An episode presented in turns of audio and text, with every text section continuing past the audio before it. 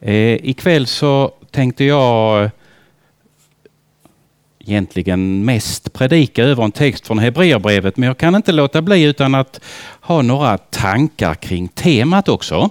Så att det kommer att bli så att jag har en, några enkla tankar kring temat och sen så kommer jag att läsa en text från Hebreerbrevet och så kommer det som vanligt när jag predikar bli tre punkter. Men eh, först några tankar kring temat. Jag trodde jag skulle få ljus över saken. Jo, det kommer så sakteliga. Trygghet är ju ett oerhört viktigt ord för, för väldigt många människor. Och jag funderade väldigt mycket på det där. Det är ganska, eh, ganska provocerande anspråk. Trygg i en otrygg värld. Rimlig fråga. Jag funderar på mina kristna syskon i Syrien. Kanske gjorde Erik det igår också, jag vet inte. Men jag har gjort det. Och, och så funderar jag på vad skulle de svara? Är ni trygga?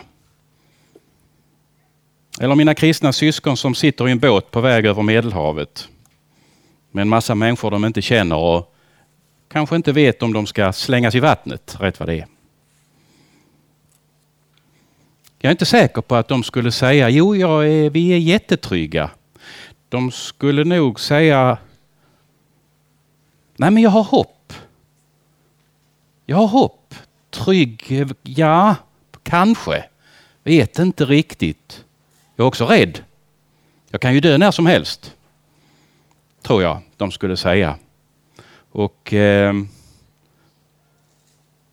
Därför så är just det där ämnet trygg i en otrygg värld lite komplicerat därför att jag kan inte som, som kristen berätta för mina eh, arbetskamrater eller mina vänner eller mina släktingar att, att om man är kristen så blir allting tryggt och, och så.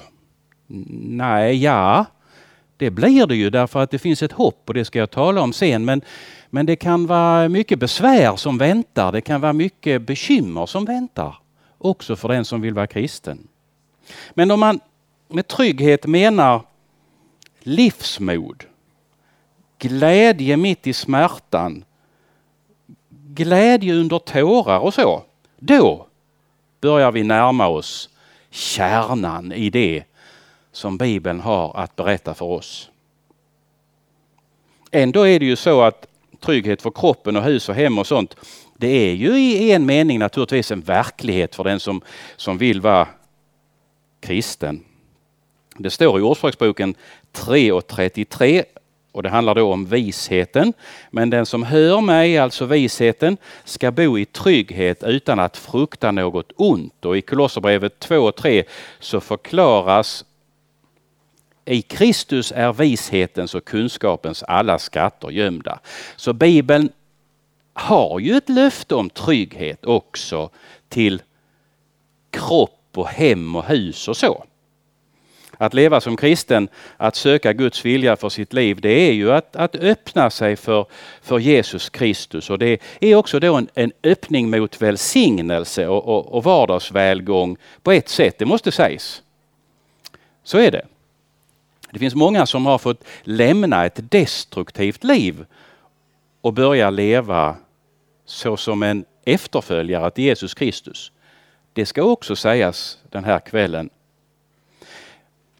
Att få praktisera ett friskt kristenliv, det är att leva i, i kreativitet och frihet inramad av stor kärlek i Guds famn som vi hörde kören och barnen sjunga.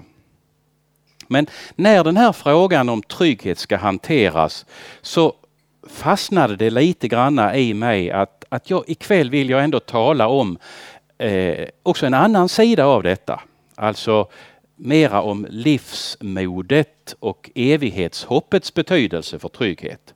För det finns liksom ett samband emellan eh, livsmod och trygghet å ena sidan och vårt evighetshopp å andra sidan. Det betyder inte att jag förnekar att detta livet är viktigt, absolut inte. Det är oerhört viktigt att få ha det tryggt och gott här. Men det är lika viktigt att veta något om den dagen när jag är färdig med mitt liv här. Det har ganska stor betydelse för hur jag har det och hur jag lever här och nu. Och det där med att eh, ha sitt ankare för evigheten fäst liksom i, i sanningen om Jesus. Det är, det är egentligen det som jag vill tala om den här kvällen. Och därför ska jag läsa ifrån eh, Hebreerbrevet 11 och det gör jag nu. Hebreerbrevet 11 och eh, från vers 8 till och med 16 läser jag. I tron lydde Abraham när han blev kallad att dra ut till det land som han skulle få i arv. Och han begav sig iväg utan att veta vart han skulle komma. I tron levde han som främling i det utlovade landet. Han bodde i tält tillsammans med Isak och Jakob som var medarvingar till samma löfte. Ty han väntade på staden med de fasta grundvalarna, den som Gud har format och skapat.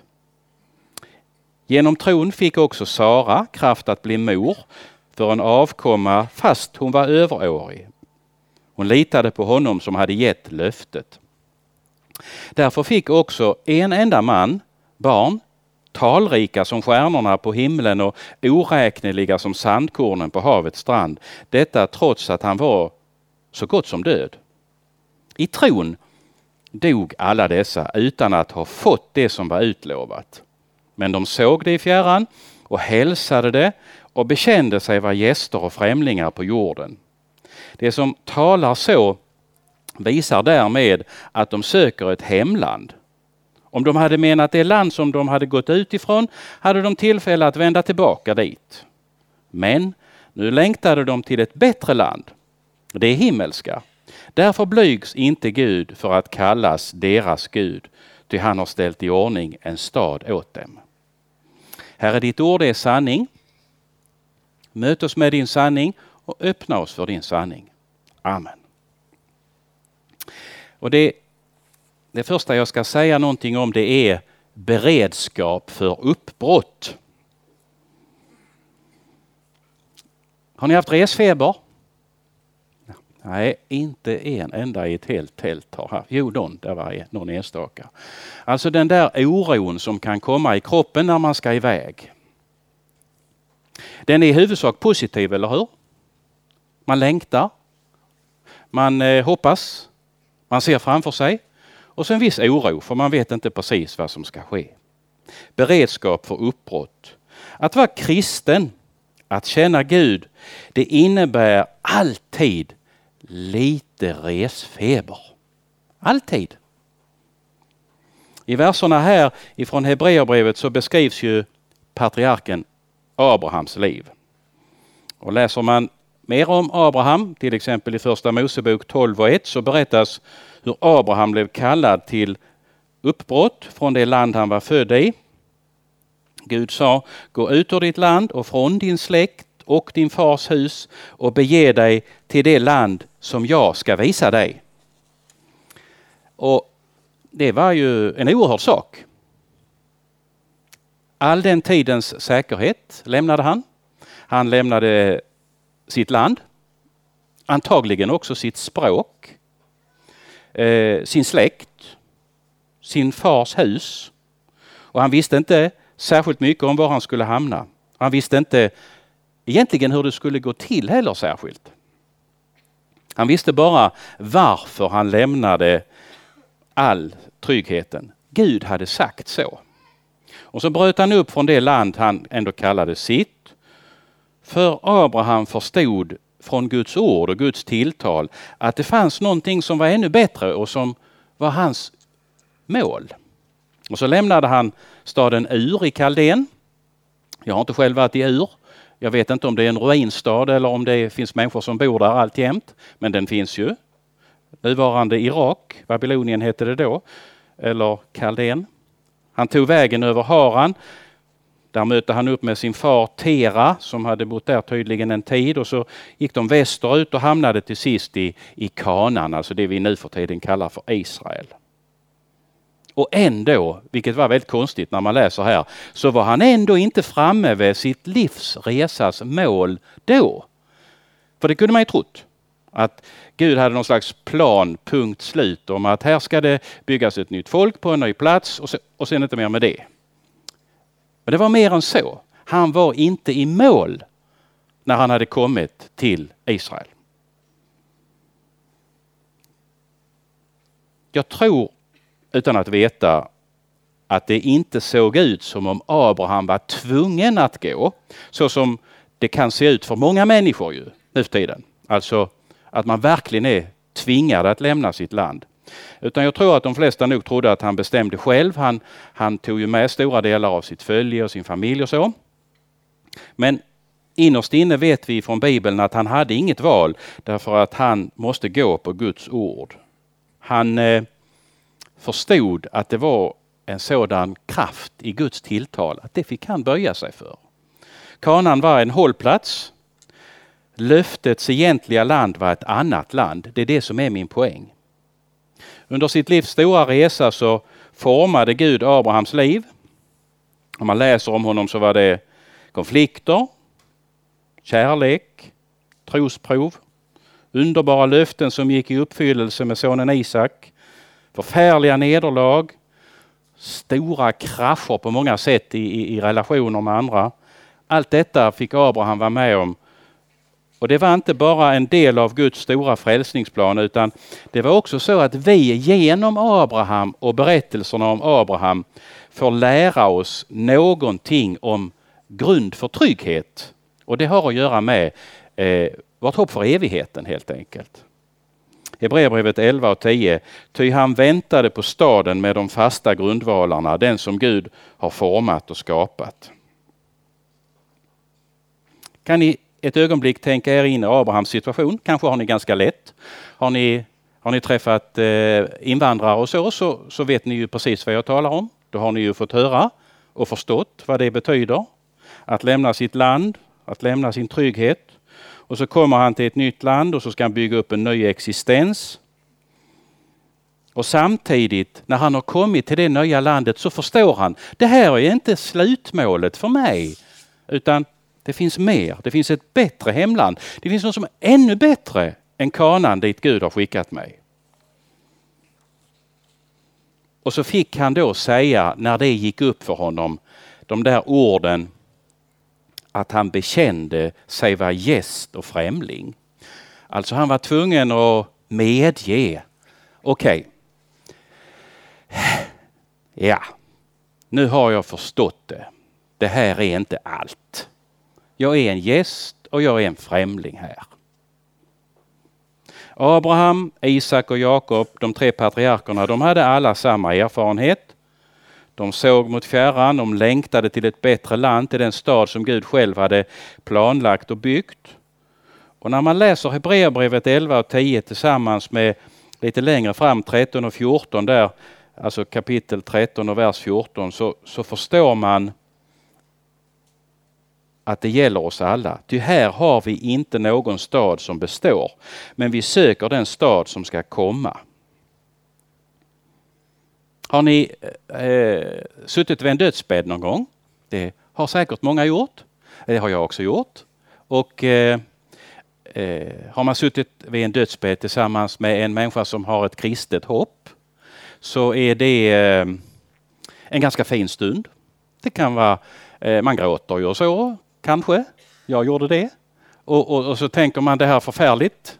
Varför ska den här människan ryckas bort från min, min gemenskap? Och samtidigt så, så vet man ju att eh, om Bibelns ord är sant så är det liksom en, en mellanstation jag står på nu. Och en dag så ska Herren komma tillbaka och han har tänkt ut detta åt oss. Han har, han har köpt en bättre framtid åt oss. Nya himlar och ny jord. Och det där stället, det beskrivs ju sådär oerhört målande i, i Uppenbarelseboken. Jag måste ändå läsa lite för er. Det står i Uppenbarelseboken 21, 10 till 27 och det är när Johannes eh, liksom ser in i framtiden och, och, och så ser han detta. Den här nya staden som Abraham fick påminnelse om att det var den som väntade.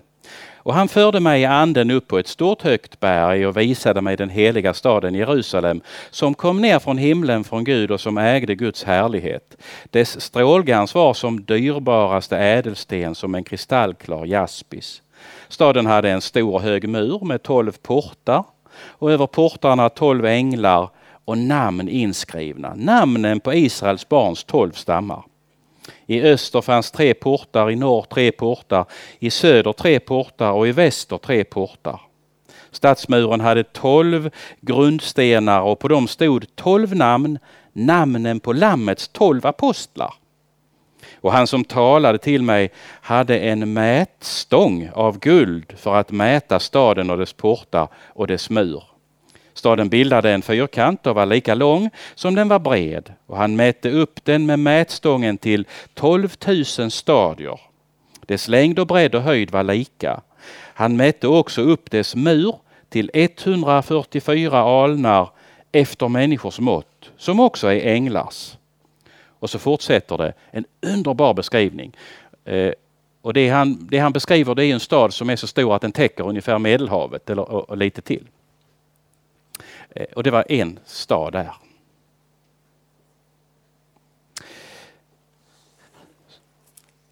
Den som följer Jesus, den som behöver Jesus, ska få vara med där. Jag hälsar på Abraham och tala med de andra som har gått före i tron. Det är, det är de kristnas hopp. Abraham trodde på ett evigt liv. Jesus berättade om det. Apostlarna har förklarat det för oss. Och de första kristna förstod att orden om, om Abraham var viktiga för deras vardagsliv, för deras trygghet. De behövde se framåt. Jag har nu talat en stund om uppbrott. Insikten om att vi behöver uppbrott. Kanske tycker du att detta är totalt onödigt. För det är bara det som är här och nu som gäller. Men nästan alla människor får förr eller senare en sån där eh, uppskakande upplevelse som gör att man behöver tänka efter och, och bereda sig på något sätt också för, för den dagen när man är färdig med livet här. Och det, eh, det är inte så förfärligt. Det är bra. Man kan göra det tillsammans med Herren. Man kan knäppa sina händer om man vill eller sätta sig i stillhet och så kan man få fundera en stund på när mitt liv är över. Och så kan man få säga Herre, jag vet inte hur det ska gå till, men jag behöver dig. Och när dagen är inne så lämnar jag mig helt och hållet i dina händer. Bär mig. Och det räcker. Det är det som är så fantastiskt. Herren ger då livsmod. Därför att vi kan ju försöka skapa oss livsmod på många sätt och det kan man ju lyckas rätt så bra med. Det tror jag. Det ser ju så ut på, på bilparken här utanför tältet. Vi skaffar oss saker som, som hjälper oss och som är bra att ha och så och som gör att livet funkar. Och vi tar ansvar. Vi får ta ansvar för, för våra familjer, för våra vänner och så bygger vi egen trygghet och så. Och det där är ju inte fel. Nej, nej. Det är bra att ta ansvar. Det är bra att, att, att skapa eh, ordning omkring oss och så. Men det kan bli oerhört blekt och tomt om vi inte förstår att det är en gåva ifrån Herren och om inte vi förstår att det där tas ju ifrån oss. Utan tro så ser vi bara det som är alldeles framför ögonen. Men, men så finns det människor som, som har, eh, har fått se mer. Och eh, Jag tänker eh, på berättelser jag har fått. Jag, jag har också varit med men det blir lite för nära så det är lite svårt att berätta om när, när en nära anhörig har dött och jag har fått känna den där glädjen som det är att, att liksom släppa taget och säga ja, Gå du nu. Du är fri att dö. Herren tar hand om dig. Men jag har också hört berättelser och det, eh, en sak som gjorde väldigt intryck på mig det var när min egen far berättade om hur prästen Lars-Åke Nilssons pappa var. Jag var alltid lite rädd för Åke, han var så sträng. Och så. När jag var barn så var han ju på Strandhem ibland och ordnade och stod i. Så jag hade då det lilla barnets bild av en sträng man med kostym och slips. Så. Men sen hörde jag min far berätta om hur han gärna åkte hem till Åke oftare och oftare ju sjukare han blev därför att när Åke liksom började närma sig slutet på, på livet så hade han en, eh, eh den här bestående glädjen som andra längtade efter att få se. Man hade en lockelse. Ah, få åka och hälsa på Åke, det är fint att vara där. Fastän det var liksom hans allra sista resa.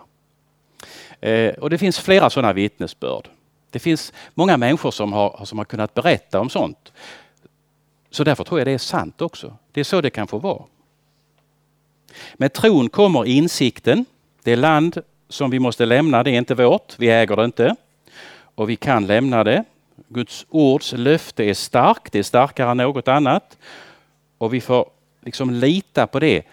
Och då är Abrahams väg en berättelse som kan vara vår förebild och det finns andra i Gamla Testamentet. Noa byggde arken utan att veta säkert. Abraham gick utan att veta vart.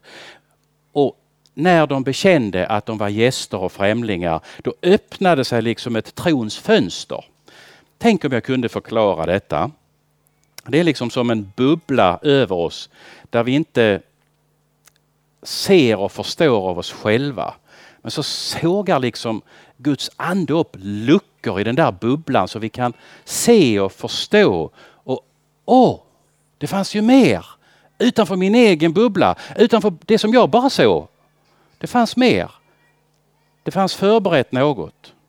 Det är underbart när det sker och det kan, det kan vi få be om. Det kan vi be om Guds andes hjälp att få trons fönster öppnade. För den upptäckten vill Herren erbjuda också ikväll. Du kan också be om det. Herre öppna ett fönster, en lucka så jag kan se. Och när du och jag bejakar vårt främlingskap inför det som är här och nu, här och nu så, så får vi också livsmod och, och en annan slags trygghet. Tredje och sista punkten. Jag har talat om uppbrottets betydelse. Jag har talat om livsmodet snarare än, än trygghet. Och nu ska jag säga någonting om att vi har ett land som är vårt och som vi aldrig behöver lämna. Därför att det här med att vara främling, det är smärtsamt. Och så där var det inte tänkt från början. Att, att inte höra hemma någonstans, det är verkligen inte så Gud hade tänkt det för oss människor. Idag påminns vi om att vi kan göra som Abraham gjorde, gå på ordet från Gud. Och Gud skulle visa honom det land som verkligen var hans. Och han såg det i tron och han, han dog i tro. Och då talar jag som ni förstår om den här nya staden som Abraham fick höra talas om. Det som jag läste ett stycke om ifrån Uppenbarelseboken. Kanske, kanske är detta obegripligt. Jag vet inte riktigt. Kanske är det så att några av er tänker, vad, är, vad, vad, vad pratar han om? Jag förstår inte detta. Och då finns där en, eh, en sak till att säga då. För er som säger, jag förstod inte vad han pratade om den kvällen. Det där med ett evigt liv och, och så. Då är det så här att det fanns en eh, man som hette Petrus han, eh, han förstod inte heller. Och vi kan på något sätt ställa oss vid hans sida. I Johannes evangeliums 13 kapitel så berättas om ett tillfälle när, när Jesus tvättade och torkade Petrus fötter. Det var liksom alldeles galet. Det skulle vara tvärtom tyckte Petrus. Petrus förstod ingenting av det som skedde. Och Jesus sa då, vad jag gör förstår du inte nu, men längre fram ska du förstå det. För det viktiga var inte vad, och nu, nu är det liksom poängen här. Det viktiga var inte att Petrus förstod att Jesus tvättade hans fötter utan det viktiga var att Jesus gjorde det. Så för dig som inte förstår talet om ett evigt liv så är det oavsett om vi förstår det eller ej så att Bibelns budskap är Herren har förberett det. Han har öppnat vägen dit och den är där. Och en dag så kommer Herrens ande, om du öppnar för det, att berätta för dig att det där är mitt. Det är mitt hem. Det kan dröja olika länge. Och det kan vara så att vi till och med kanske får lämna jorden med en viss osäkerhet, men bara med hoppet. Bara med hoppet. Herre, låt det vara sant. Jag klamrar mig fast. Löftet att som Petrus får förstå till sist ger oss frimodighet och trygghet att leva här och nu utan att genast förstå allt. Så är trons liv, så är trons villkor. Vi får lita på Guds ord och ta det med oss och hålla fast vid det. Jag har alltså velat säga någonting om eh, att trygghet är kopplat till Guds ords undervisning om ett evigt liv. Vi ber. Herre, låt ditt ord få utrymme i oss. I Jesu namn. Amen.